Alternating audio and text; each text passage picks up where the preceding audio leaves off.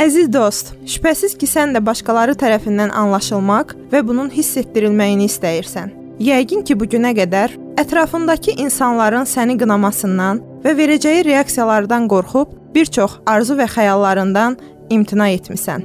Bilirsən, anlaşılmağını və bunun hiss etdirilməyini arzulaman insanların səninlə empatiya qurmasını istəməyindir. Sözdə səni anladığını, başa düşdüyünü deyən, amma reallığa baxdıqda isə səni həqiqətən anlayan və başa düşən insanların sayı çox az olur.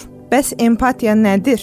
Necə olmalıdır deyə sual etsən, empatiya özünü başqa insanların və canlıların yerində hiss etmək, onun hisslərini anlamaq və ona hiss etdirmək bacarığıdır.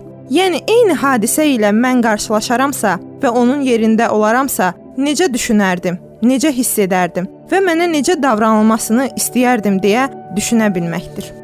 Həyatımız üçün vacib olan bu duyğu bəs necə formalaşır? Empatiya kiçik yaşlardan valideynlərin bizə göstərdiyi sevgi, dəyər, həyat təcrübəsi ilə formalaşır.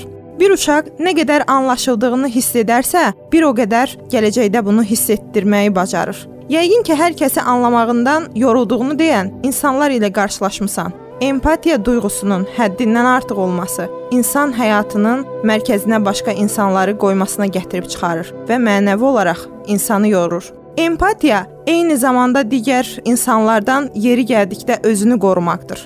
Əziz dost, empatiyanın necə vacib və gözəl duyğu olduğunu artıq anlamısan. Odur ki, insanları anlamağa çalış. Çünki qarşılaşdığımız insanlar hər biri bir həyat sınağının iştirakçısıdır.